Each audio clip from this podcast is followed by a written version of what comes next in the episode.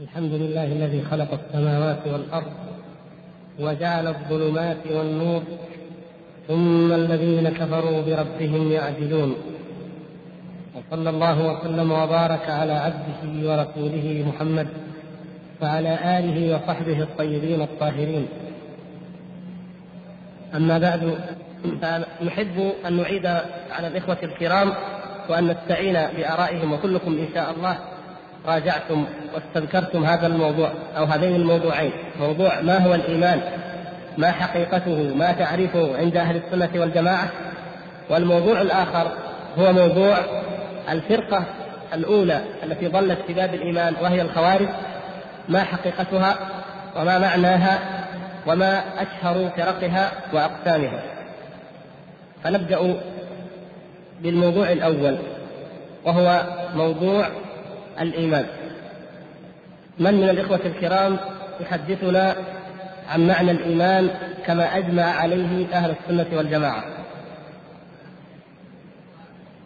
نعم يعني القول المشهور الذي أجمع عليه أجمع عليه أهل السنة والجماعة وروته كتب العقيدة مسندا إلى علماء الأمة إلى أكثرهم وأن الإيمان قول وعمل يزيد وينقص.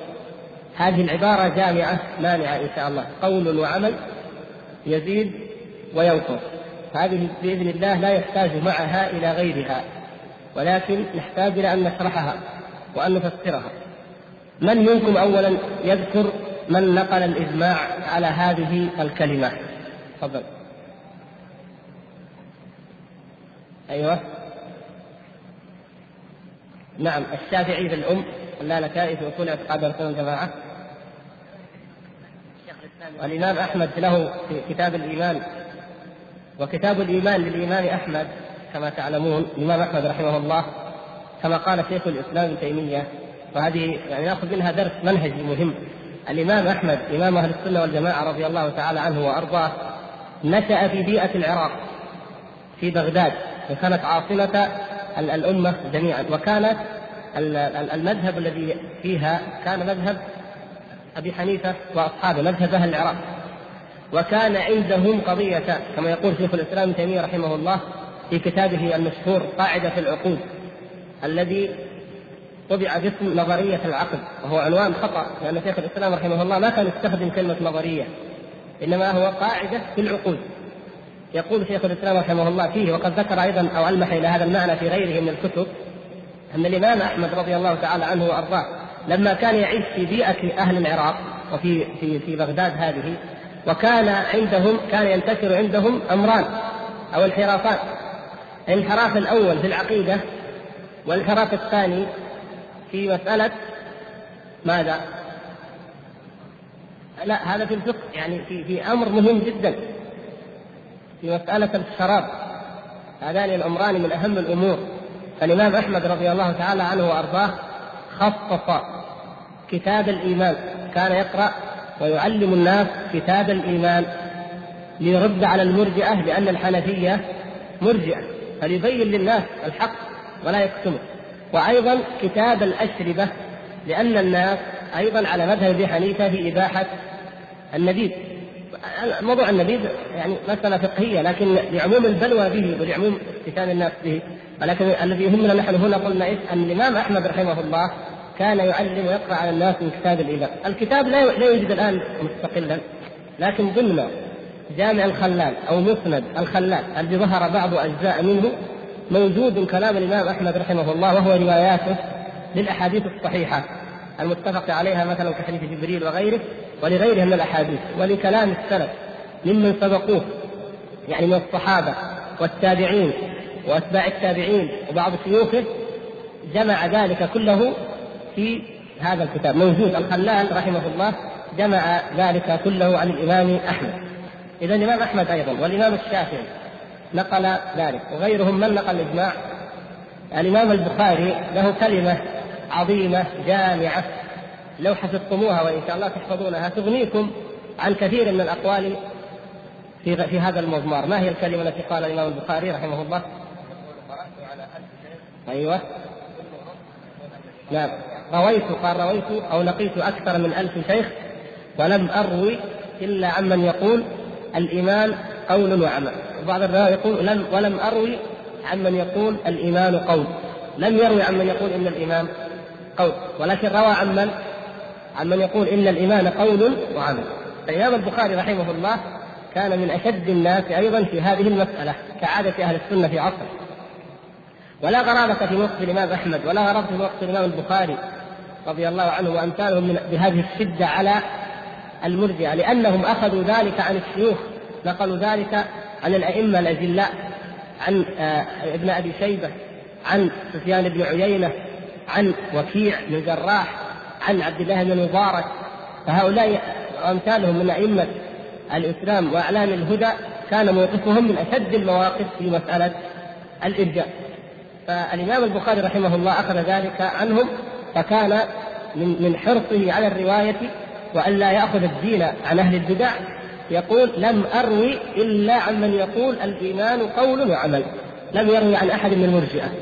يعني من شيوخه لم لم يدرس أو يجلس في حلقة أحد من شيوخ المرجئة. وإن كان يروي عن شيخ ولكن قد يكون في سنده إلى رسول الله صلى الله عليه وسلم عن طريق الشيخ بعض من اتهم بالإرجاء. هذا معلوم لديكم أظن يعني لا يعني ذلك لا يعني. قول الإمام البخاري رحمه الله لم يأخذ العلم إلا عمن يقول إن الإيمان قول وعمل ولم يأخذ عن المرجئة لا يعني أنه لا يوجد في أسانيد الإمام البخاري أو مسلم وهو تلميذه في هذا الشأن من اتهم بالإرجاء بل يوجد. يوجد ومن أكثر التهم الموجهة إلى الرواة أنه رمي بالإرجاء وبعض بعض أئمة المرجئة الكبار ممن لهم روايات في الصحيحين وفي غيرهما.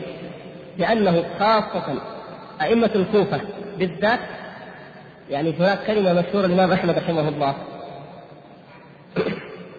والواقع يصدقها أنه لو ترك لو تركت الرواية عن المرجئة لتركت الرواية عن عامة أهل الكوفة ولو تركت الرواية عن القدرية لتركت الرواية عن عامة أهل؟ البصرة نعم هكذا هاتان المدينتان انتشر القدر يعني إنكار القدر والقول بالقدر انتشر في البصرة وانتشر في الكوفة الإرجاء فعمت بهم البلوى حتى سرت إلى علماء وإلى أئمة ثقات أئمة أجلاء كبار عباد وزهاد وثقات وصادقين في نقلهم. فلذلك يؤخذ عنهم تؤخذ عنهم هذه الرواية وإن كانت الشبهة قد انقدحت لديهم. لكن الإمام البخاري هو بنفسه لم يجلس إلى أحد من المرجئة. طبعا في فرق بهذه المناسبة. في فرق بين أن الإنسان يروي عن إنسان لديه شبهة أو أخذ هذه الشبهة أو يصحح روايته وهو صادق طبعا الكاذب يكذب لأنه كاذب وإن كان من أفضل الناس عقيدة أو عبادة أو مثلا الضابط. لو جينا من باب الضبط والإتقان الراوي لا يضبط روايته وإن كان من أكبر العباد أو الزهاد أو أحسن الناس عقيدة لكنه لا يضبط لا يحفظ لا يكتب هذا يختل فيه جانب ماذا الضبط والإتقان. لكن في المقابل قد يختل جانب جانب جانب نعم. فمسألة الصدق يعني الراوي إذا كان صادقا وإن تلبس ببدعة أو كانت لديه شبهة فإن روايته تقبل. لكن هذا شيء والجلوس إلى إلى البدع شيء آخر وخاصة أنه زمن الإمام أحمد والإمام البخاري رحمه الله وأيامهم قد انجلت الأمور وانكشفت الحقائق وأزيلت الشبهات. فهذه أيضا مما نفرق به نحن طلبة العلم بين نوعين من الناس أو مرحلتين. بين نوع الشبهة لديه لم لم تنكشف والحق لم يتضح لديه وإن كان متلبسا ببدعة وبين من اتضح له الحق وقامت عليه الحجه أو بين مرحلة التعمية وظهور الشبهات والناس لم يتبين لهم الصواب وبين مرحلة إذا قامت الحجة واتضحت كما كان الحال أيام الإمام أحمد رضي الله تعالى عنه وأرضاه والإمام البخاري. فقد يعني أصبحت الأمة فريقين متميزين أهل سنة وأهل بدعة. اتضحت المقصود أن الإجماع قد انعقد.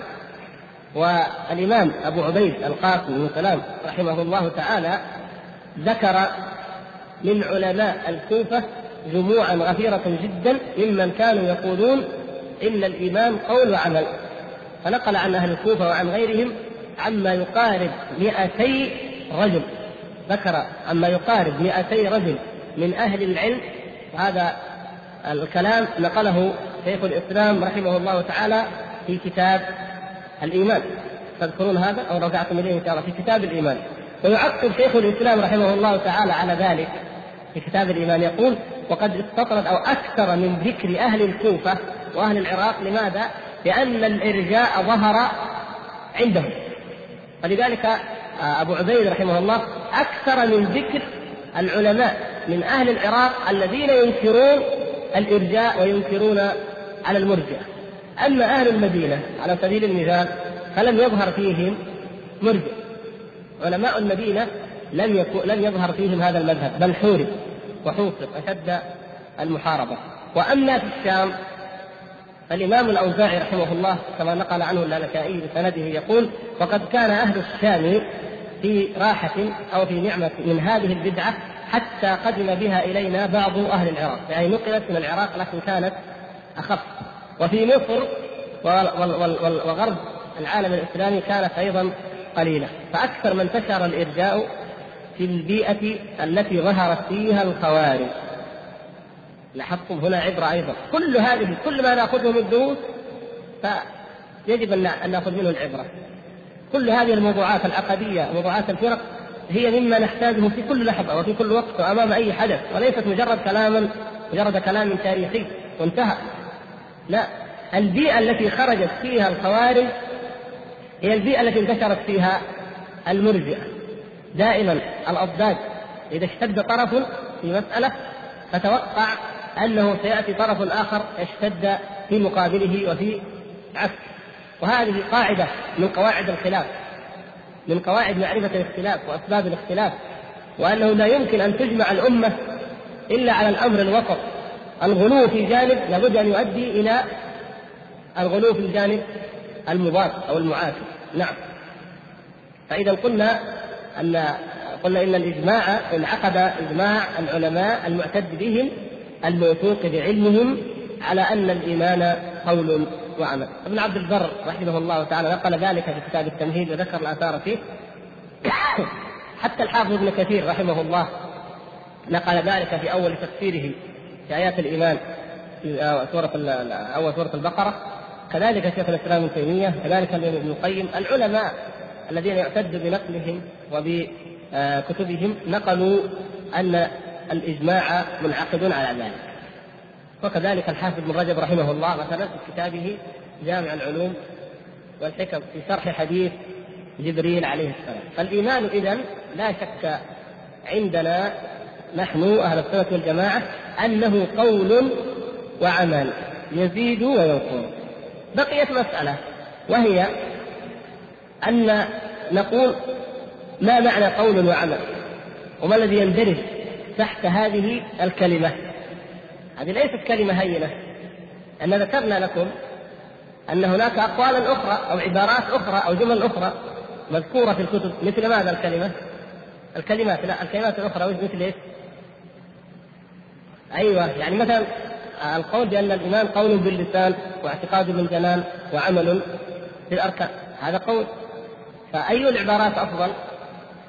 ما عندنا نحن شك دائما دائما ديننا اتباع وأفضل الكلام عندنا بعد كلام الله ورسوله صلى الله عليه وسلم كلام السلف. يعني في مثل هذه المسائل في التعريفات في, في التفسير في أي شيء. الكلام الأساس والمفضل والعبارات التي نحدوها ولا نأخذ غيرها لا نستعيض عنها بغيرها. كلام السلف. دائما ان إن زدنا أو أضفنا فليكن شرحا له. أما العبارات فلنحرص دائما على عبارات السلف الصالح. بعد النصوص بعد الكتاب والسنة طبعا هذا معروف لديك لكن من حيث الاصطلاح كلام السلف هو أفضل كلام وأدقه وأجله في كلام العلماء من كلام العلماء جميعا. فالسلف قالوا قول وعمل اذا لابد أنهم على هم المقتدى هم القدوة هم الصواب اذا نحتاج أن نشرح العبارة قول وعمل تفضل. يعني إذا تكون هذه العبارة تقسم الإيمان إلى تقسمه أربعة أقسام. الله يفتح عليكم. الأول كلمة القول نجعلها كم؟ قسمين قول قول اللسان وقول القلب. قول اللسان وقول القلب. جميل. والعمل؟ عملين. عمل القلب وعمل الجوارح. جميل. فلما نقسم الإيمان بهذا الأربعة وبعدين نعرف ما امثله لهذا هذا ما هو ما معنى الإيمان؟ ما معنى كل قسم من الأقسام الأربعة؟ وما هي الأمثلة عليه؟ وبعدين نشوف حكم من جاء بالأربعة. حكم من جاء بالثلاثة. حكم من جاء باثنين. حكم من جاء بواحد مثلا. جميل جدا. اذا فلنأخذها واحدا واحدا. ما معنى قول القلب؟ قول القلب. تفضل. أيوه. إقراره إقراره وتصديقه وإيش؟ اعتقاده كلها عبارات صحيحة. نعم. قول القلب يعني أن يقر وأن يصدق وأن يعتقد. وهذا معنى القول. القول في الحقيقة ليس قول اللسان. طبعا ستجدون إن عندنا ناس يقولوا إيش؟ إن الكلام في الفؤاد. ينكرون قول اللسان بالكليه ويقولون قول هو قول القلب.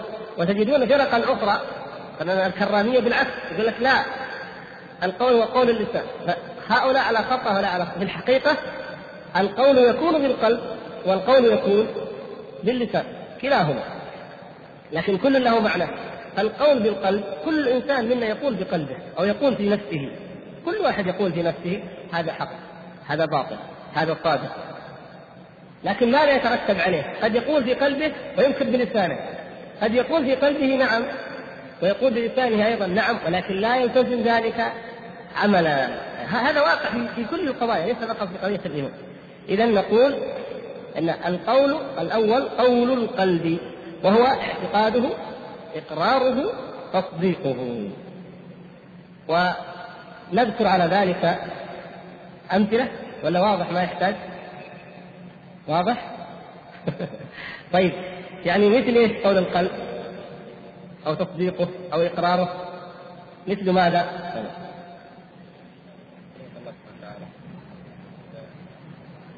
يعني يجمع ذلك كله يا إخوان. يعني إما أن يقول الإنسان في قلبه أشهد أن لا إله إلا الله وأن محمدا رسول الله يقر بها في قلبه. وإما أن يقر هذا اللي أكثر يعبر عنه في كتب العقيدة لأنه يجمع ذلك كله. وش وما هو؟ أن يقر بصدق الرسول صلى الله عليه وسلم. لاحظتم؟ إذا أقر بصدق النبي صلى الله عليه وسلم فكل ما عدا ذلك فهو تابع له لأنه أعظم ما جاء به هو التوحيد ومنه الشهادتان ثم الأعمال ثم وهذا هو أكثر إذا أردنا أمثلة أكثر ما كان يقع قول القلب في الإقرار بصدق النبي صلى الله عليه وسلم سواء أظهر باللسان أو لم يظهر سواء آمن الإنسان يعني ب ب على الحقيقة أو أظهر ذلك بلسانه ولم يؤمن على الحقيقة فتصديق القلب أو قول القلب هذا حدث. أكثر من رأى النبي صلى الله عليه وسلم. ولو قلنا كل من رآه أو سمعه صلى الله عليه وسلم وقع في قلبه أنه صادق لما أخطأنا إن شاء الله. يعني قول القلب يقع عندهم. ولذلك عبد الله بن سلام رضي الله تعالى عنه الحبر العالم الذي ذكره المفسرون في قوله تعالى أولم يكن لهم آية؟ أن يعلمه علماء بني إسرائيل في الآية الأخرى وشهد شاهد من بني إسرائيل. على مثله لما قدم النبي صلى الله عليه وسلم إلى المدينة وخرج ليراه قال فلما رأيته ماذا قال؟ قلت هذا ليس بوجه كذاب إلى الآن ما أسلم ولا أقر بالشهادتين ولا يدري إلى أي شيء يدعو. هذا قول القلب يا إخوان. لاحظتم كيف؟ لما رآه في نفسه كذا هذا ما هو كان هذا قول القلب وتصديقه. وكذلك كل الأحبار كل أحبار اليهود ولذلك هذا قال الله سبحانه وتعالى عنهم يعرفونه كما يعرفون ابنائهم قال وكانوا من قبل يستفتحون على الذين كفروا فلما جاءهم ما عرفوا كفروا به كيف ما معنى يستفتحون؟ إيش معنى كلمة يستفتحون؟ ها؟ الاستفتاح ما هو؟ أيوه طلب الفتح الدعاء من الله سبحانه وتعالى بأن يفتح. ربنا افتح بيننا وبين قومنا بالحق. هذا دعاء. يعني إذا كنت في أزمة في مشكلة في خلاف فترفع يديك وتقول اللهم افتح بيني وبينهم. هذا الاستفتاح. واستفتحوا وخاب كل جبار. يعني طلبوا الفتح طلبوا الفتح والانفراج وانكشاف الأمر. طلبوا فكانوا كيف ما معنى وكانوا من قبل يستفتحون على الذين كفروا؟ يستنصرون يقولون سيخرج فينا. نبي آخر الزمان. اللهم أخرج هذا النبي وابعثه حتى نقاتل به العرب فنغلبهم ونهزمهم. يعني يقاتل به الأوس والخزرج. فلما جاءهم ما عرفوا كفروا به. لماذا كفروا به؟ بأسباب كثيرة. المقصود المقصود أنهم كفروا به. ومن أسباب كفرهم أنهم كانوا يريدون أن يكون هذا النبي ممن؟ من بني إسحاق من بني إسرائيل. فكان من الفرع الآخر. ولهذا كان كفر اليهود أكثره من جنس كفر إبليس لاحظتم كيف؟ كفر اليهود من جنس كفر إبليس وهو كفر ماذا؟ كفر الحسد والاستكبار والعناد لأنهم يرون إبليس يقول أنا خير منه خلقتني من نار وخلقته من طين هذا يقول نحن نحن بيت النبوة وأهل الكتاب فلما لا يكون النبي منا فحسدوا المؤمنين حسدا من عند أنفسهم.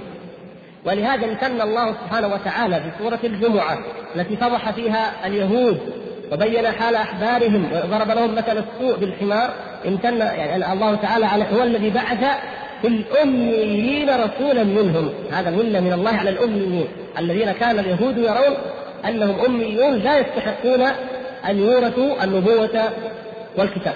ولكن الله تعالى يصطفي من خلقه ما يشاء ويورث خيره وفضله من يشاء. والله يختص برحمته من يشاء. هذا حسب أهل الكتاب. فإذا آه، آه، القول القلبي حصل أو يحصل عند كل من عرف الحق. بل الإنسان على نفسه بصيرة ولو ألقى معاييره. كل إنسان. ولذلك المستشرقون الأمريكان الأوروبيون المستشرقون الروس. كل من قرأ الإسلام أو عرف عنه لا بد أن يقرأ يقرأ في قلبه وأن يقع في نفسه أن هذا الرسول صادق صلى الله عليه وسلم. هذا هو قول القلب. هذا الركن الأول من أركان الإيمان وهو قول القلب. نؤجل حكم قائله منفردا حتى نأخذ قول اللسان ثم نجيب عنهما. يعني جميعا.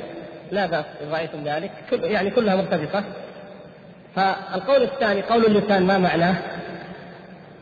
واضح النطق بالشهادة يعني نعم. قول اللسان واضح. أن يقول الإنسان بلسانه أشهد أن لا إله إلا الله وأن محمدا رسول الله؟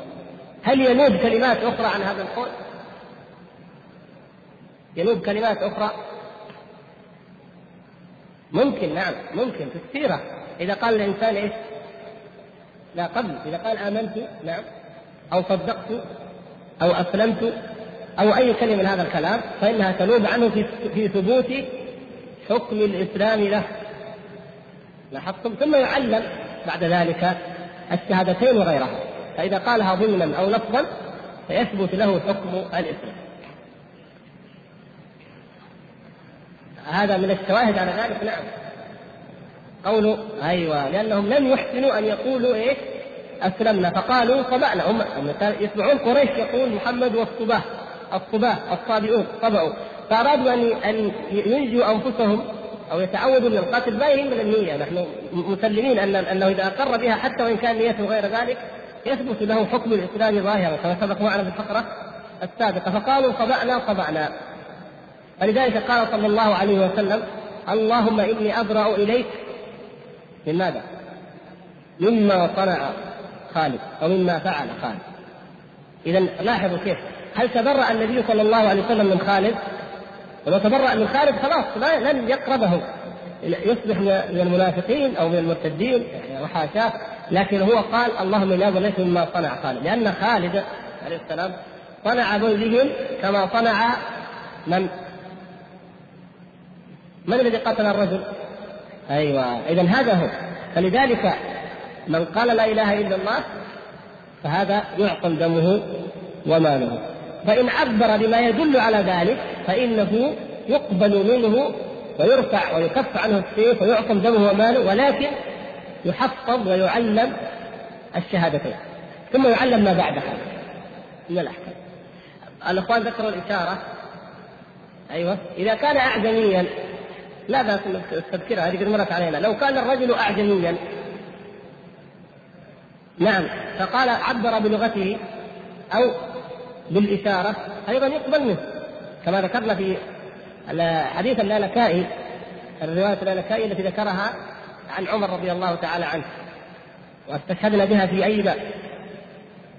في أي باب استشهدنا بالإشارة أيوة أحسنت في باب العلوم. في باب العلوم. أن عمر رضي الله تعالى عنه يقول لو أن المسلمين حاصروا أهل حصن كفار في الحصن. فأخرج فخرج منهم رجل فأخرج يده ورفعها إلى السماء فقتله رجل لقتله به. لماذا؟ أشار إلى السماء.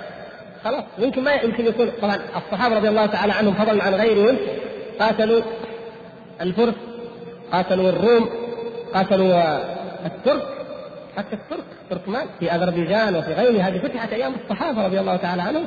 قاتلوا البربر قاتلوا القبط يعني أمم كثيرة لغات كثيرة. فإذا لو أن احدا اشار هكذا هذا قلنا هذا من أدلة الفطرة على العلو على علو الله سبحانه وتعالى. أنه معنى كذا معنى أنا وحدت أو آمنت بالله واشار إلى السماء أو المهم من اشار بهذه الاشاره يكف عنه السيف ويعلم بعد ذلك التوحيد حقيقة. طيب من لم يقر بالشهادتين؟ لو أن عبدا ما أقر بالشهادتين لكن كما يقول كثير كتب الأشعرية ملأى بهذا وغيرهم إذا أن من عرف النبي من عرف صدق النبي صلى الله عليه وسلم بقلبه ورآه وصدقه ثم مات. قالوا هذا يكون مسلما وإن كان قصر في عدد النطق بالشهادتين فيكون عاصيا. ممن ذكر ذلك وانتصر له مثلا الغزالي في الإحياء وشرحه الزبيدي شرحا أيضا وافيا وأكثر كتبهم كتبهم على ذلك من الأشاعرة المعاصرين منهم والقدامى على أنه إذا صدق بقلبه نجا عند الله. فما صحة هذا القول في ميزان الشرع؟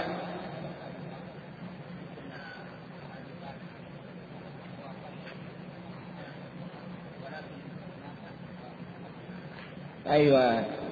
القاعدة في هذا يقول شيخ الإسلام ابن تيمية رحمه الله تعالى من لم يقر بالشهادتين فإنه ليس بمسلم وليس ليس بمؤمن ولا يأخذ أحكام الإيمان لا يستحق أحكام الإيمان لا في الدنيا ولا في الآخرة. من لم يقر بالشهادتين فالإقرار بها واجب إجماعا. إجماع المسلمين على أن الإقرار بالشهادتين إجماعا به يدخل الإنسان في الإسلام والإيمان واجب لتحقيق أن يكون مسلما. ليس واجب يعني مجرد لا يعني ليكون الإنسان مسلما لا بد من الإقرار بالشهادتين فإن لم يقر بهما فلا ينفعه تصديق أو إقراره بالقلب. نعم. وذكر الأخ مثالا. أيوه. على أن معرفة الحق بالقلب مع إدائه باللسان لا ينفع صاحبه مطلقا. ذكر مثالا واضحا معروفا ومتفق عليه عند أهل السنة قاطبة. يعني لم يخالف فيه إلا الرافضة ولا يعتد بخلافهم لا في هذا الباب ولا في غيره. وهو قصة موت أبي طالب عم النبي صلى الله عليه وسلم. فليس هنالك من شك في أن أبا طالب كان مصدقا غاية التصديق برسول الله صلى الله عليه وسلم وأنه نبي قطعا. وإلا فهل يقف معه المواقف؟ هل يحفر معه في الشعر؟ هل يتحمل الأذى؟ هل يضحي كل التضحيات مع من يظن كذبه؟ لا يمكن ذلك. النفوس تأبى ذلك. فهو كان مقرا ومصدقا بغاية التصديق بأن محمدا صلى الله عليه وسلم صادق وأنه على الحق. ولقد علمت من شعره المنسوب إليه لأن دين محمد من خير أديان البرية دينا. لولا الملامة أو حذار مسبة أو حذار مسبة لوجدتني سمحا بذاك مبينا. لكن ما أبان ما أبان يعني ما أفصح بلساني ولا سمح لماذا؟ خشية الملامة. وهذا الذي حصل. عند موته. خشي أن يقال ترك ملة عبد المطلب؟ كيف؟ ملة عبد المطلب. ها؟ لاحظتم إنا وجدنا آباءنا على أمة. وإنا على آثارهم مقتدون لا هذا لا يمكن. الآباء والأجداد النخوة الشيمة المدري هذه أحيانا تحول بين الإنسان وبين الإذعان للحق. فإذا إقرار الإنسان أو تصون قول القلب من أحد ولكن مع انتفاء قول اللسان وامتناعه بلسانه هذا لا ينفعه بشيء. اتفقنا على هذا؟ طيب هناك اعتراض يعترض به. وأنتم لو ذهبتم إلى بعض البلاد أو جلستم بعض المشايخ من الأشعرية وامثالهم وهم كثير في الأمة أكثر ما يقرر الآن. وقلت له هذا الكلام على طول يحتج عليك بحجة يقول لك إيه؟ يقول طيب الابكم الأخرس الذي لا يستطيع يتكلم هل تثبتون إيمانه؟ ماذا نقول نحن؟ نثبت إيمان الابكم ولا لا؟ طيب يقول لك تثبت إيمانه وما أقر بالشهادتين فإذا سقط عنه هذا الركن ركن النطق وتكتفون منه بماذا؟ بالقلب بالاقرار بالقلب. وشبهة أخرى نضيفها معها لأنكم قد تسمعونها أيضا وتقرؤونها يقول لو أن انسانا رأى النبي صلى الله عليه وسلم ورأى آياته فصدقه فأراد أن يقول أشهد أن لا إله إلا الله فمات من وقته. تقولون هذا يدخل النار يحتجون علينا بهاتين الحجتين فكيف تردون على الأولى منهما؟ نعيد نعم. يكتب. النبي صلى الله عليه وسلم كتب للبكم. يعني أنت الأخ يريد يقول إن ممكن نتخذ أي وسيلة نعرف بها إيمانه. مو لازم الكتابة إن خليني أنا أنا أعمم كلامك حتى ما نحصر في الكتابة. أنت تقول نكتفي منه بما يدل مثل غير الكتابة. الإشارة يعني هذا أذكر يا شيخ. لو كان يكتب هذا صار معاهد الأمل هذه ما كانت موجودة. يعني أيوة الإشارة أوضح. يكفي منه بالإشارة. طيب اكتفاؤك منه بالإشارة؟ كم من الاستدلال؟ دليل على إيش؟ أو أو لماذا أنت عدلت عن النطق إلى الإشارة؟ أيوه أيوه أحسن لأنه إيش؟ معذور. يعني الركن يسقط عن المعذور. خلونا ناخذ مثال يوضح هذا المثال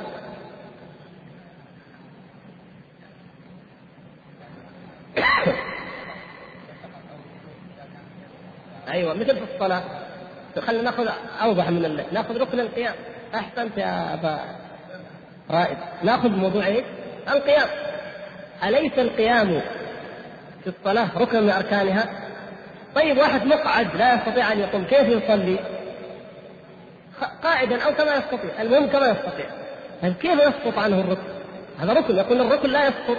يقول الركن إنما يكون ركنا متى؟ مع القدرة. مع القدرة. أي نعم.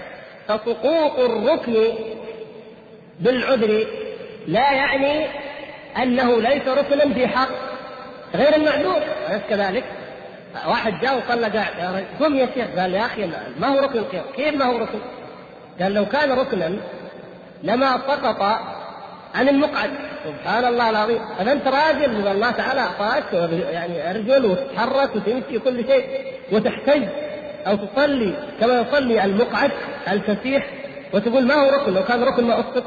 ما يسقط عن عن المعذور لا يعني ذلك أنه ليس بركن لغير المعذور. لاحظتم يا إخوان؟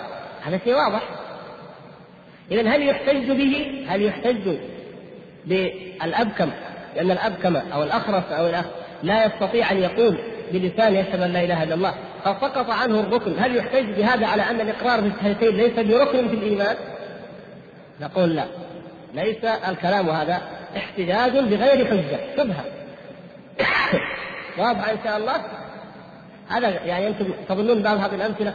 هذه يعني يركب عليها شبهات يعني يظن أصحابها أنهم احتجوا غايه وأنهم يعني هدموا كلام أهل السنة وأنهم اعترضوا بهذا هذا الكلام فينبغي أن تفهموه وإن كان بدهي بالنسبة لكثير من الإخوة. طيب ما قولكم في الشبهة الثانية؟ يا عبد الله.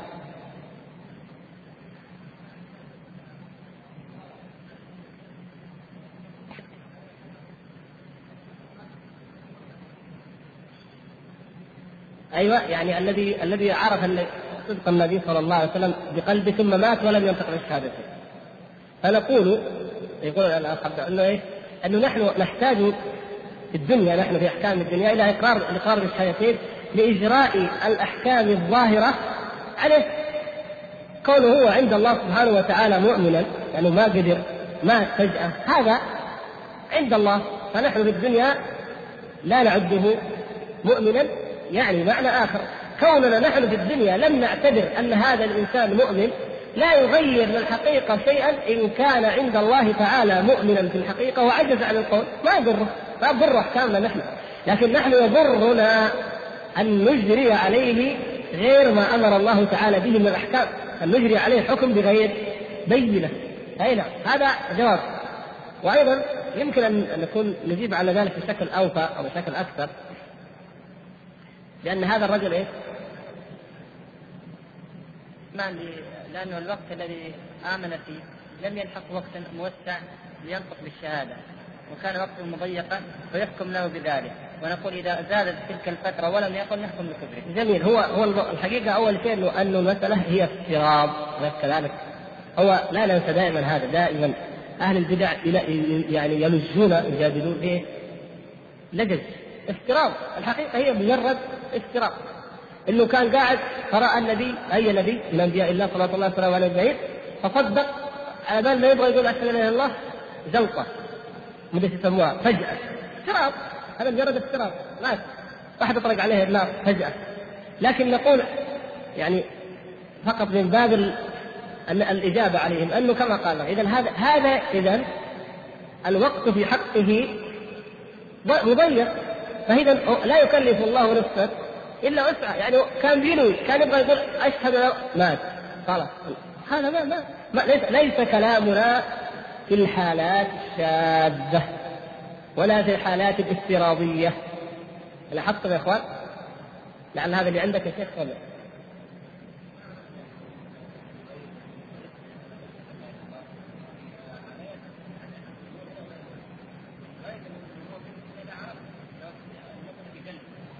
أيوه الأحكام الظاهرة. وزي ما قال الاخ نعم لا هم يقصدون انه نقول إنه عند الله. أيوه عند الله في أحكام الآخرة.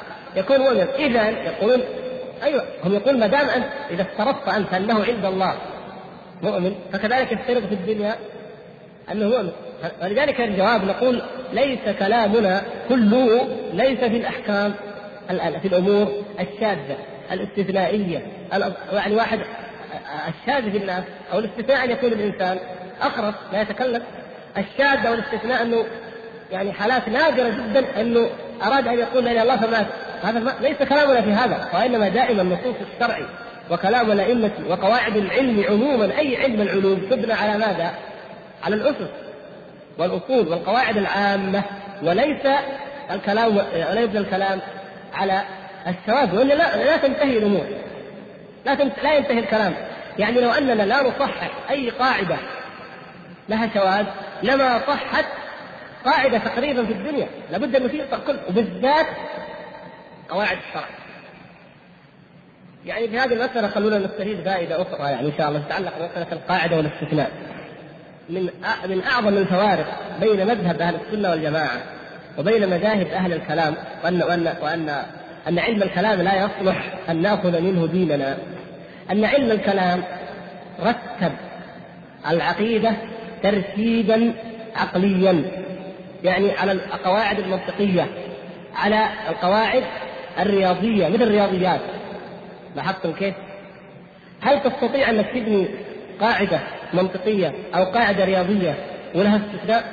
ما تسمى قاعدة ما تسمى قاعدة في علم الرياضيات ما دام لها استثناء ما دام ما تصدق فالذي لا يصدق مرة في حكم العقل ممكن أن لا يصدق مرات كثيرة. فرق جدا شاسع بين القواعد الشرعية وبين القواعد العقلية التي يسمونها منطقية أو رياضية. خلونا نمثل على هذا الشيء. من يجيب لنا منكم قاعدة من القواعد العلمية في الكيمياء أو في الرياضيات أو في الفيزياء. وإحنا عارفين التفاعل. جبنا قاعدة يا شيخ على قدنا. يعني مثلا أيوه هات أوضح ضربا للسجين أنا ما أعرف. أفضل. هذه من قواعد علم النفس. ما هي القواعد الرياضية. أيوه يعني يعني تقريبا.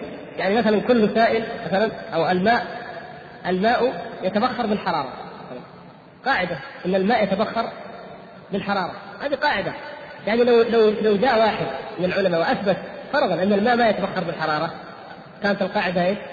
خطأ. من القواعد الفلكية مثلا المعروفة إن كل نجم له مدار له آه كوكب يعني كل كوكب واحد واحد وضع نظرية. مثلا لو جاء واحد وضع وضع نظرية وهي أن كل الكواكب تدور لها مسار جاء واحد قال بعد 100 سنة 200 سنة اكتشف إن في كوكب ما يدور. بطلت النظريه خلاص بطلت. لاحظتم كيف؟ لا يقال انه هذه النظريه يستثنى منها كذا. هذا الأصل في الأحكام العقلية أن يكون الأمر كذا. إذا قلت كما في علم المنطق مثلا لو قلت كل الطلاب نجح كل طالب نجح. ها؟ فإن الدعوة هذه تكون كاذبة. لو جاء واحد واكتشف أن في طالب رفض. تكون القضية إيه؟ كاذبة. لأن قول لأن قولك إذا جاء واحد قال كل الطلاب نجحوا. جاء واحد قال بل رسب منهم ولا تكذب بهذا الشكل. فلا بد علم الكيمياء وعلم الفيزياء وعلم الرياضيات وعلم الكلام وعلم المنطق. القاعدة عندما توضع يفكر الإنسان فيها كثيرا جدا حتى يقولها. ولهذا تجد في أصول الفقه في أصول الفقه يقع الخلط والخطأ من الأصوليين لماذا؟ عندما يؤصل قاعدة بعدين يجد أنه في الشرع حديث جاء حديث يخالفها فيضطر يرد الحديث. وليس رد بعض الناس على حديث وقالوا حديث احاد قالوا مدري قالوا خالف الأصول الكليه هذا هو. قلنا لكم هذه فائدة من الفوائد المهمة إن شاء الله. فهذا خطأ وخلل في عقولهم لأنهم ظنوا أنه ما دامت المسألة قد ثبتت القاعدة بها فما خالفها فهو باطل. هذا غير صحيح. يعني مثلا من القواعد الأصولية المقررة أن الشك أن اليقين لا يزول بالشك. قاعدة أصولية صحيحة. وفي الطهارات في الأحكام ممتاز جدا. فنحن نطبقها لكن نجد أن النبي صلى الله عليه وسلم في بعض الأحكام بنى الحكم ورتبه على أمر مظنون أو مشكوك. مثل الرضاع. هذا ثابت. ها؟ يا رسول الله أن امرأة أخطبت امرأة فقالت جاءت امرأة فقالت إني قد أرضعتها ماذا قال؟ قال كيف وقد قيل؟ خلاص ما دام قيل انتهى. ما تأكدنا. ما جدلنا ما خلاص قيل. في حقيقه الأمر. وكذلك في أيضا أمر آخر نعمل فيه بالشبهة. نعمل فيه بالشك والشبهة يعني استواء الطرفين. ليس يعني ظن راجح ومع يعني شك لكن استواء الطرفين. في مسألة؟ الذبائح أحسنت. دخلت كذا لقيت شاتين واحدة أو لا قطعتين من اللحم. ما تدري هل هذه القطعة من المبكاة أو من الميتة؟ ماذا تفعل؟ تترك الثنتين. غلبنا الشك هذا ليس القاعدة. لكن هذه هذا شيء صحيح. استثناه الشرع. إذا الشرع قواعده ليست كقواعد. القواعد العقلية. هذا في حديث عدي بن حاتم الطيب. نعم مسألة الذبائح إذا نقول يا إخوان القواعد العقلية عموما لا لا يدخلها الاستثناء، إذا دخل الاستثناء بطلت القاعدة، يعني يكفي أنك تأتي بمثال لكي تبطلها.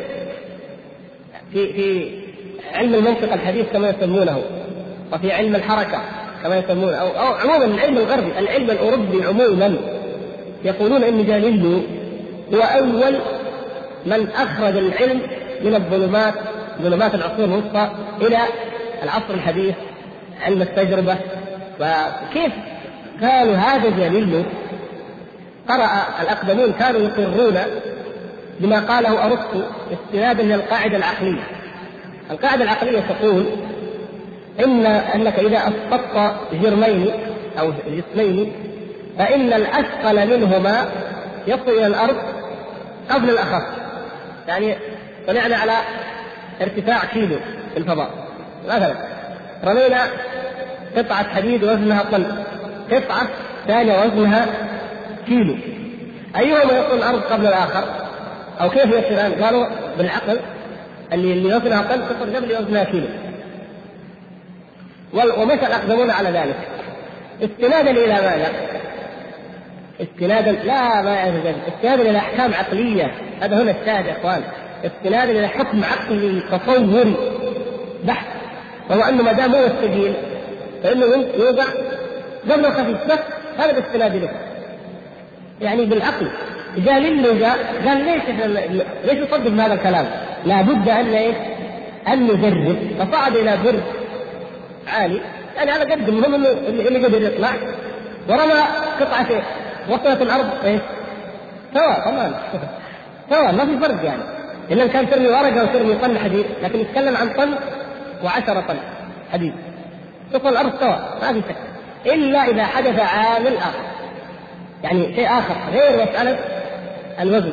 يعني الخلخلة خلخلة الهواء أو الفراغ أو الاهتزاز أو يعني شيء مسألة أخرى لكن الأصل عنده. فقالوا إذا بهذه التجربة إن جاليليو بهذه التجربة. سوى العلم الغربي هذا كله الآن اللي, اللي وصل من الاكتشافات والاختراعات إلى شيء مذهل جدا. أصله يقولون هم أصله هذه التجربة.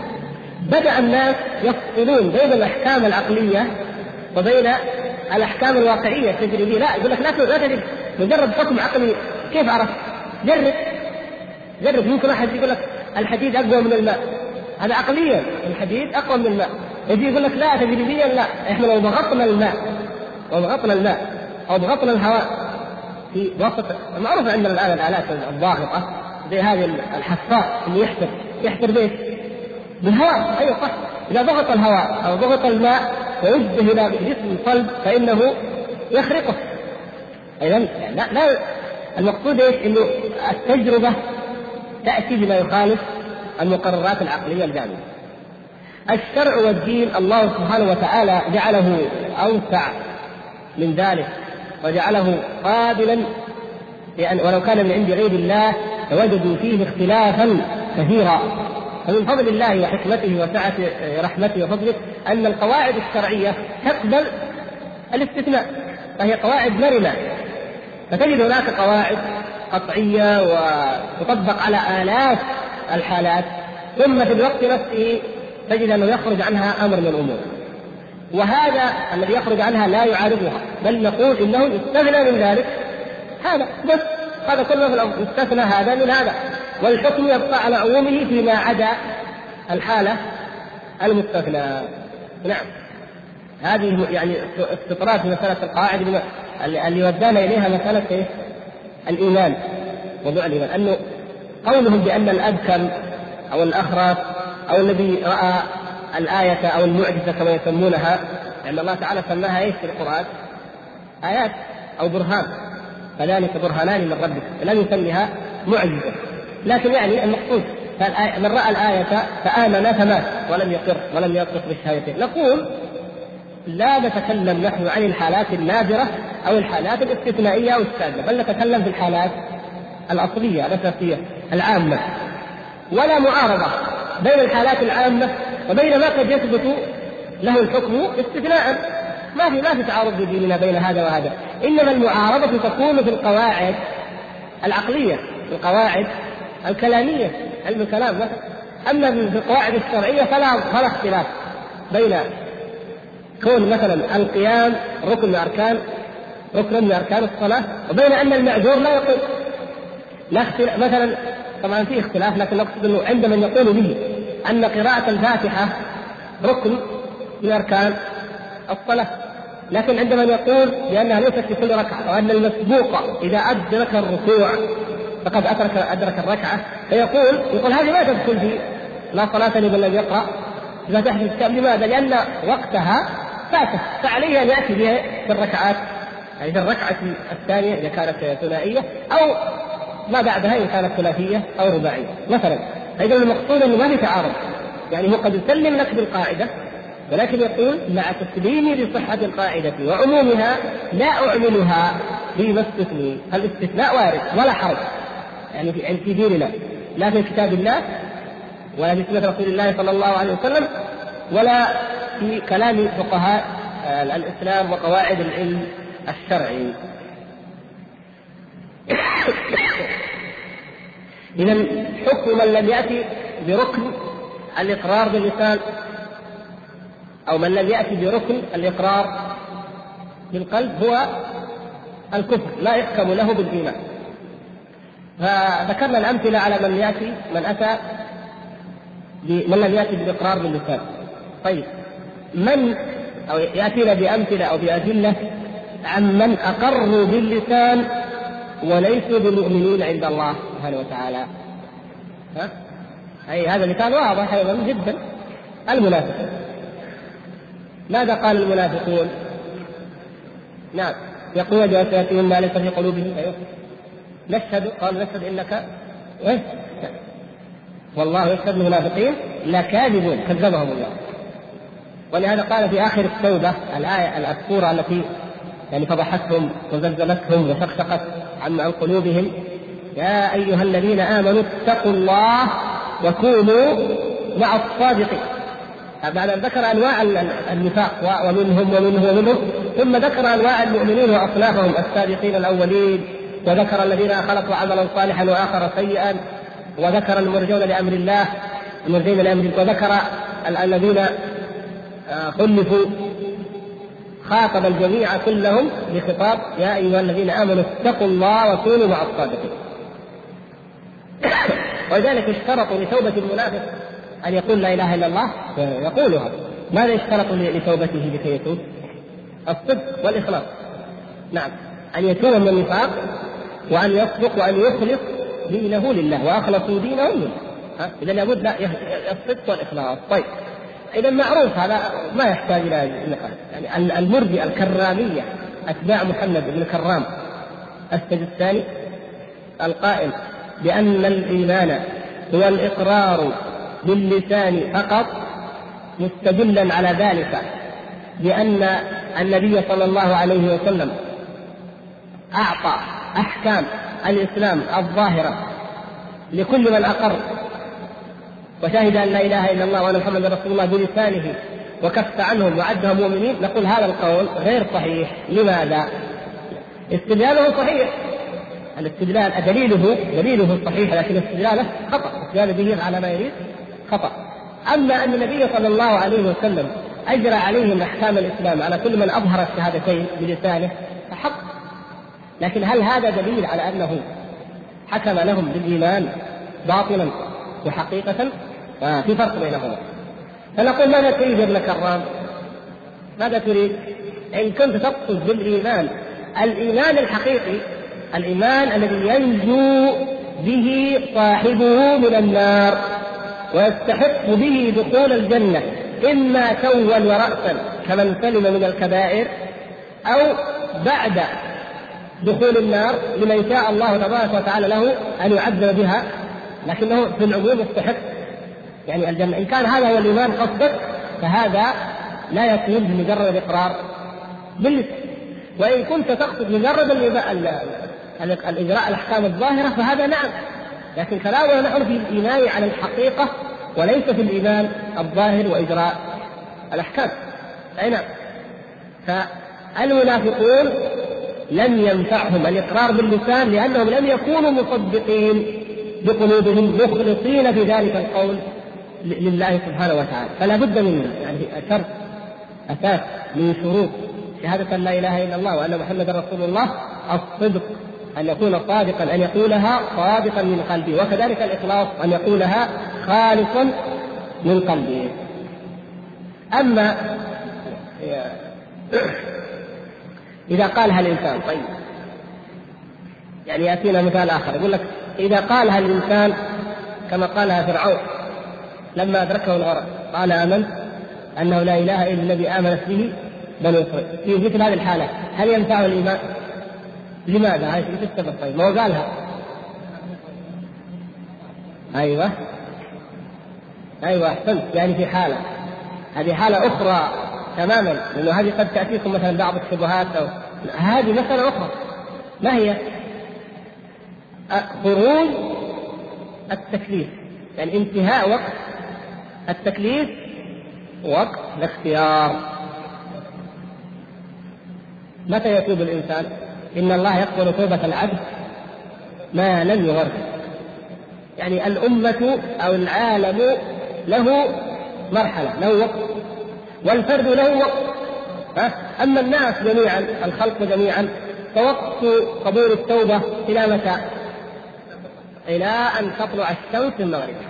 خلاص. إذا كل الإنسانية هذه لها باب مفتوح أن تتوب إلى طلوع الشمس وأما الفرد في ذاته فهو مدة عمره إلى أن يغرق طيب إذا رأى الهلاك فلم يكن ينفعهم إيمانهم لما رأوا بأسنا خلاص إذا رأى البأس يقول آمنت الآن آمنت به ماذا ينفع؟ هل هذا إيمان بالغيب؟ في هذه الحال هل هو إيمان بالغيب؟ ليس إيمانا بالغيب إيمان بالمحسوس المشاهد إذا رأى العبد عافاني الله وإياكم ملائكة العذاب جاءت نزع روحه. يقول أسلمت وعلمت أن محمد صادق. هذا الآن ما آمن بالحقيقة. هو أقر بأمر يشاهد مرئي. وكلمة الإيمان الشرعية معناها التصديق على الغيب. التصديق بالشيء على الغيب. أما ما يراه الإنسان أمامه هذا ما يحتاج إلى أن يقال له آمن به. لاحظتم كيف؟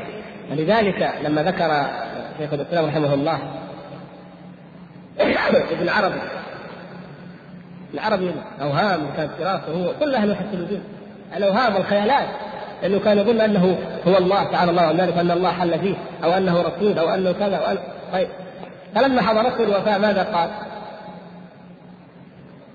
إن كان منزلتي في الحب عندكم ما قد رأيت فقد ضيعت أيامي. أمنية ظفرت نفسي بها زمنا واليوم أحسبها أضغاث أحلامي ما انتهت. هذا آخر ما قال به ثم مات. يعني كان يقول إنه فعلا يحس الوجود شيء لا على شيء. فلما رأى ملائكة العذاب نسال الله العفو والعافيه خلاص ما ما عاد ينفع. أمنية ظفرت نفسي بها زمنا. كان يتمناها ويهواها ويقول إنه من من الواصلين. وكتاباته في الفتوحات شيء عجيب جدا. في معرفة الله والقرب من الله وكل الكلام هذا لحظة الصدق تبخر. جاءت الملائكة وإذا به يراها نسأل الله يعافيني وإياكم وخير المسلمين. يراها كما جاء في الحديث إذا إيش معنى هذا؟ كل الكلام ذاك كله خلاص انتهى. ما ينفع الإيمان هذا واليوم أحسبها أضغاث أحلام والعياذ بالله. عاين لما عاين الحق انتهى. فلا ينفع العبد إيمانه لا ينفع العبد إيمانه أو إقراره حال الاحتضار أي بعد معاينة اليقين. لا فرعون غيرك لا الغرض جاءت ملائكة العذاب آمنت أنه لا إله إلا الذي آمن فيه بنو إسرائيل. ما ما ينفعك يا فرعون. وأن تكون من المسلمين ما ينفعك. لا الآن وقد عصيت قبل. الآن هذا استفهام إيه؟ الاستنكار ليس هذا وقت الإيمان. وقته لما رأيت البينات. الآن رأيت العذاب نفسه. أولم ترى البينات؟ أولم يرك الله سبحانه وتعالى آيات عظيمة عجيبة. على يد موسى عليه السلام. آيات جعلت السحرة ينقلبون في لحظة. من قوله يعني بعزة فرعون يقسم بعزة فرعون إلى قولهم والذي فطرنا. سبحان الله يعني كفروا في لحظة لحظة كفروا بفرعون. ولم يعد به ولا بعزته ولا وإنما آمنوا بالله وأقسموا بالله سبحانه وتعالى. قالوا لن نؤثرك على ما جاءنا البينات والذي فطرك تقضي ما أنت قضي إنما تقضي هذه الحياة الدنيا. خلاص لماذا يؤمن السحرة ويؤمن من آمن ويرى وتؤمن زوجه؟ وفرعون يستكبر على الله عاصي مؤامن فلما أدركه الغرق آمن. أو لا ينفعه. في شيء. طيب. فمن إذا الركنان هذان من جاء بالإقرار بالقلب وحده هل يعد مؤمنا؟ لا يعد مؤمنا.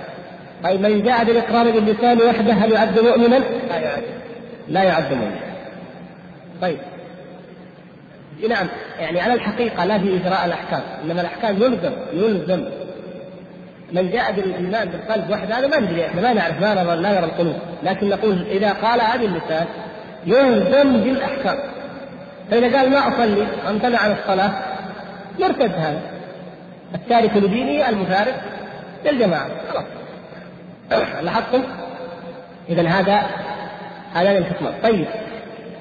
ننتقل إلى امثله أو لمعنى العمل يعني القول انتهينا منه القول قول باللسان وقول بالقلب. طيب. العمل. عمل القلب وعمل الجوارح عمل القلب ما هو؟ وما مثاله؟ الخشية الاعتماد التوكل والانقياد. لا كلكم تعرفون لا بأس ها؟ وايش كمان؟ الخوف الرجاء الرغبة رهبة الاستغاثة يعني تدخل في طيب. نقول هذه الأعمال كلها يعني أكثر القرآن أكثر حديث القرآن عن أعمال القلب. هي هي الأساس هي التي بناء عليها تكون أعمال الجوارح. الإخبات الإنابة التوكل الرغبة الاستعانة الصدق. ولهذا تجدون في الفاتحة. إياك نعبد قال وإياك نستعين. قل هو الرحمن آمنا به وعليه توكلنا. قلنا إن أعمال القلب كثيرة وهي مهمة. وكل واحد ما ذكرتم هذا له آيات وله حديث الحمد لله كثيرة. نحتاج أو نريد أن ننبه الإخوة إلى إيش؟ أصل هذه الأعمال. ذكرناها يعني يمكن أن نذكر بعض أعمال القلوب التي تجمع جميع الأعمال. يعني كل كلامكم صحيح بس من باب زيادة الفائدة بس. ها؟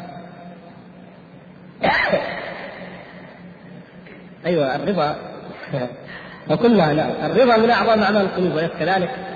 أن الإنسان إذا قال رضيت بالله ربا بالإسلام دينا محمد صلى الله عليه وسلم رسولا آه. برضو القبول لا شك إذا قال يعني لكن ذكرنا نحن قلنا عملين نسيتوها هذا قبل الحج المحبة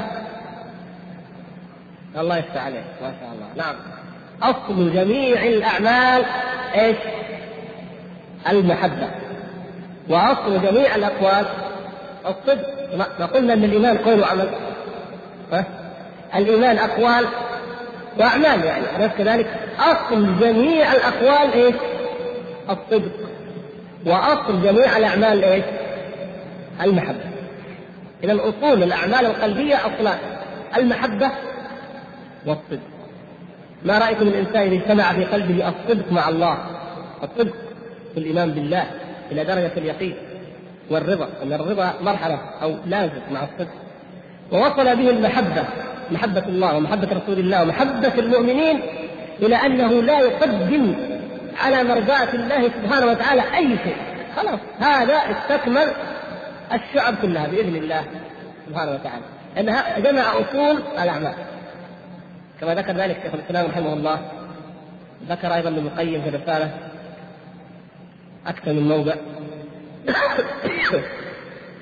اذا أساس الأعمال يا إخوان وأهمها المحبة يعني أعمال القلب هذه كلها أساسها أو أعظمها عملان لأن الأقوال والأعمال جميعا ترجع إليهما وهما المحبة والصدق.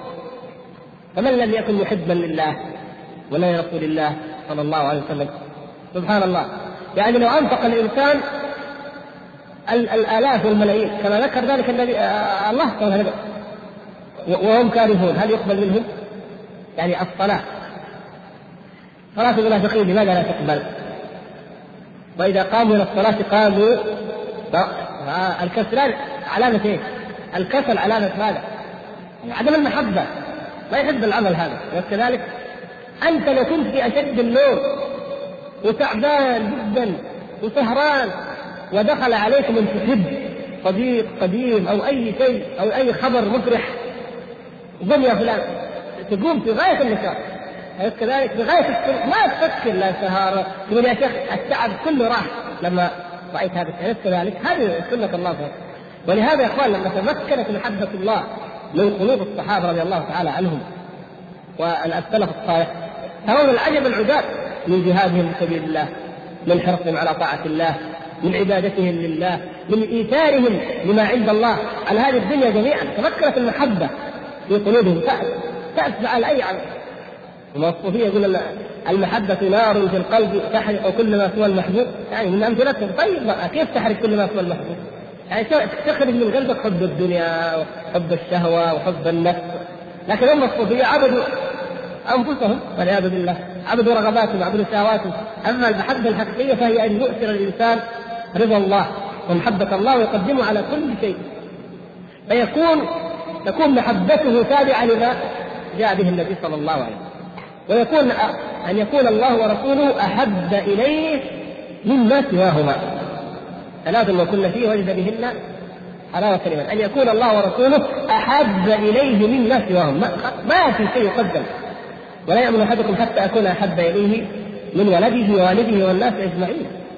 ولذلك ذكر في آية التوبة قل إن كان آباء أبناءكم وأبناءكم وأخوانكم وأزواجكم وعشيرتكم وتجارة ترضون ومساكن.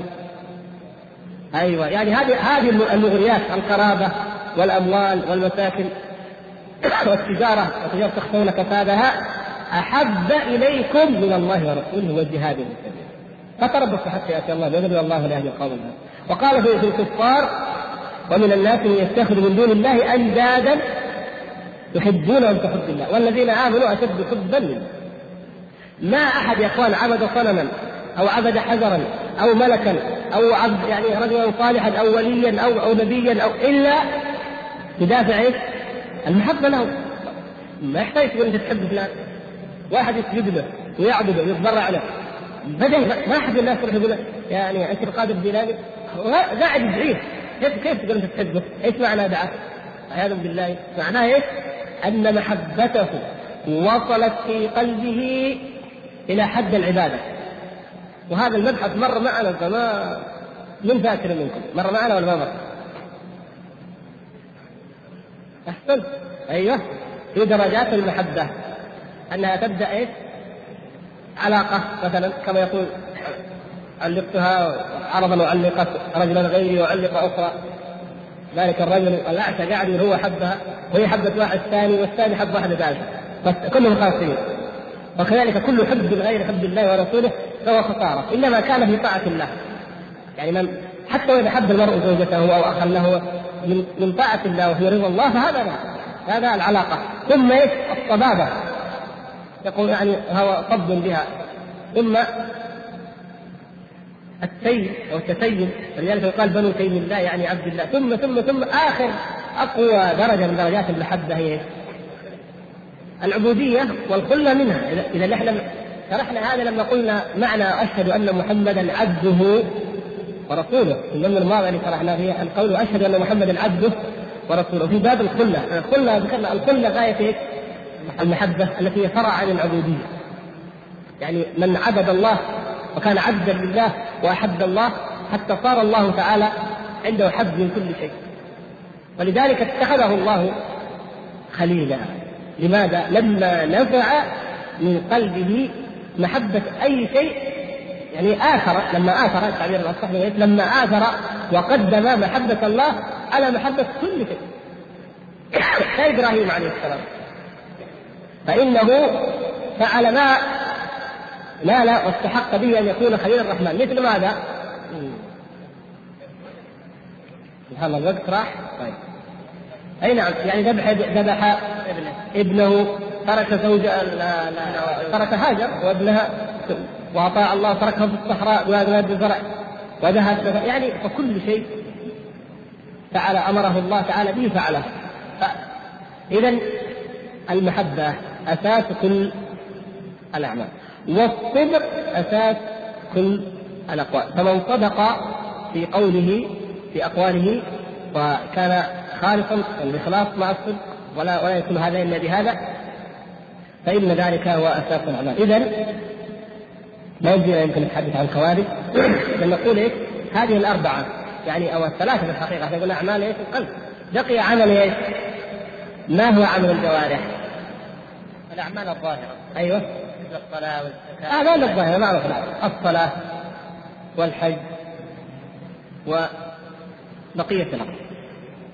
إذا الإيمان يشمل أربعة هذه فإذا أخذنا مثلا الذكر ذكر الله والتسبيح يدخل في باب إيش؟ قول اللسان ولكن ومعه أيضا قول القلب. يعني الذكر لله يمكن أن يكون في حالتين. ذكر الله عز وجل يمكن أن يكون على حالتين عند الناس من يذكر الله سبحانه وتعالى بلسانه وقلبه. وهذا هو أعلى وأفضل درجات. يعني إذا قال سبحان الله أو الحمد لله أو لا إله إلا الله بقلبه ولسانه. الحالة الثانية أن يذكر بلسانه فقط. وهذا لا بأس يعني يعد لكن بقدر ارتباطه بالقلب يكون فضله وتكون قوته. لذلك ليش يا أخوان نحن دائما مثل هذه المعاني إن شاء الله إن شاء الله دائما ننقلها إلى واقعنا. ما نحن لما نصلي نقول سبحان الله كل واحد منا يعني. يعني أحيانا نقول هو نقولها 100 مرة تسبيحات أو لا إله إلا الله وحده لا شريك له له الملك والحمد على كل شيء قدير. عشر مرات مثلا بعد نصلي المغرب مثلا أو آية الكرسي أو نقراها باللسان فقط. يعني تصبح إيش؟ عادة. سبحان الله. واحد كذا يقول يقول يقول هذا ذكر الله. ولا يحرم إن شاء الله من الأجر. لكن هل هو مثل أن يقولها الإنسان وقد قرن القلب لذلك يقول النبي صلى الله عليه وسلم في المسند من قال ومن شهد أن لا إله إلا الله يصدق قلبه لسانه ويصدق لسانه قلبه. هذا هذا أعلى درجة وأفضل نوع من أنواع قول شهادة لا إله إلا الله أو ذكر الله. أن يكون اللسان مصدقا للقلب والقلب مصدقا للسان. كذلك أعمال الجوارح. الصلاة أعظم أعمال الجوارح الصلاة. لو صلاها العبد بلا عمل قلب ينفعه؟ ولما قال بعض السلف لو خشع قلب هذا لخشعت جوارحه هذا ليس من كلام رسول الله صلى الله عليه وسلم على الصحيح. لكن الكلام حق. لو خشع قلبه لخشعت جوارحه. لا بد من في الصلاة لا بد من النية لا بد من الخشوع لا بد من اليقين. التصديق لله سبحانه وتعالى امرنا بهذه الصلاة. يعني كل عمل القلب أو اساسيات عمل القلب تتحقق ومع ذلك أيضا عمل الجوارح أن يقوم الإنسان مع القدرة على القيام وأن يركع كما ركع النبي صلى الله عليه وسلم حتى يستوي راكع ثم يرفع وأن يقول ما أمر به النبي صلى الله عليه وسلم ثم يسجد. يعني كما علم النبي صلى الله عليه وسلم المسيء صلاته أو كما علم الصحابة صلوا كما رأيتموني أصلي. فلكي يكون العبد مؤمنا على الحقيقة ناجيا عند الله سبحانه وتعالى مستحقا لما وعد الله تعالى به عباده المؤمنين وأصفياءه المتقين لا بد أن يأتي بأركان الإيمان هذه الأربعة بقول القلب وقول اللسان وعمل القلب وعمل الجوارح. وهذا معنى قول السلف أنه قول وعمل. أما يزيد وينقص فهذه أدلتها إن شاء الله واضحة وقالها السلف. اعتمادا أو ردا ردا على المرجئة الذين ينكرون زيادة الإيمان. ونقصانه وليس المرجئة فقط بل حتى الخوارج أيضا. يعني أصل مشترك في الضلال ضلالة مشتركة بين الخوارج وهم على طرف وبين المرجئة وهم على طرف وهو قول الطائفتين كليهما بأن الإيمان لا يزيد ولا ينقص وهذا إن شاء الله سنوضحه بإذن الله في بابه تفصيل. وهنالك نبين كيف أن هذا الخطأ أدى عند الخوارج إلى الغلو وأدى عند المرجئه إلى التفريط. طيب أظن أن الوقت بقي قليل وبعض الأخوان قد لا يصلي هنا فنكتفي بهذا القدر ونسال الله سبحانه وتعالى لنا ولكم القبول والإخلاص وأن ينفعنا بما نسمع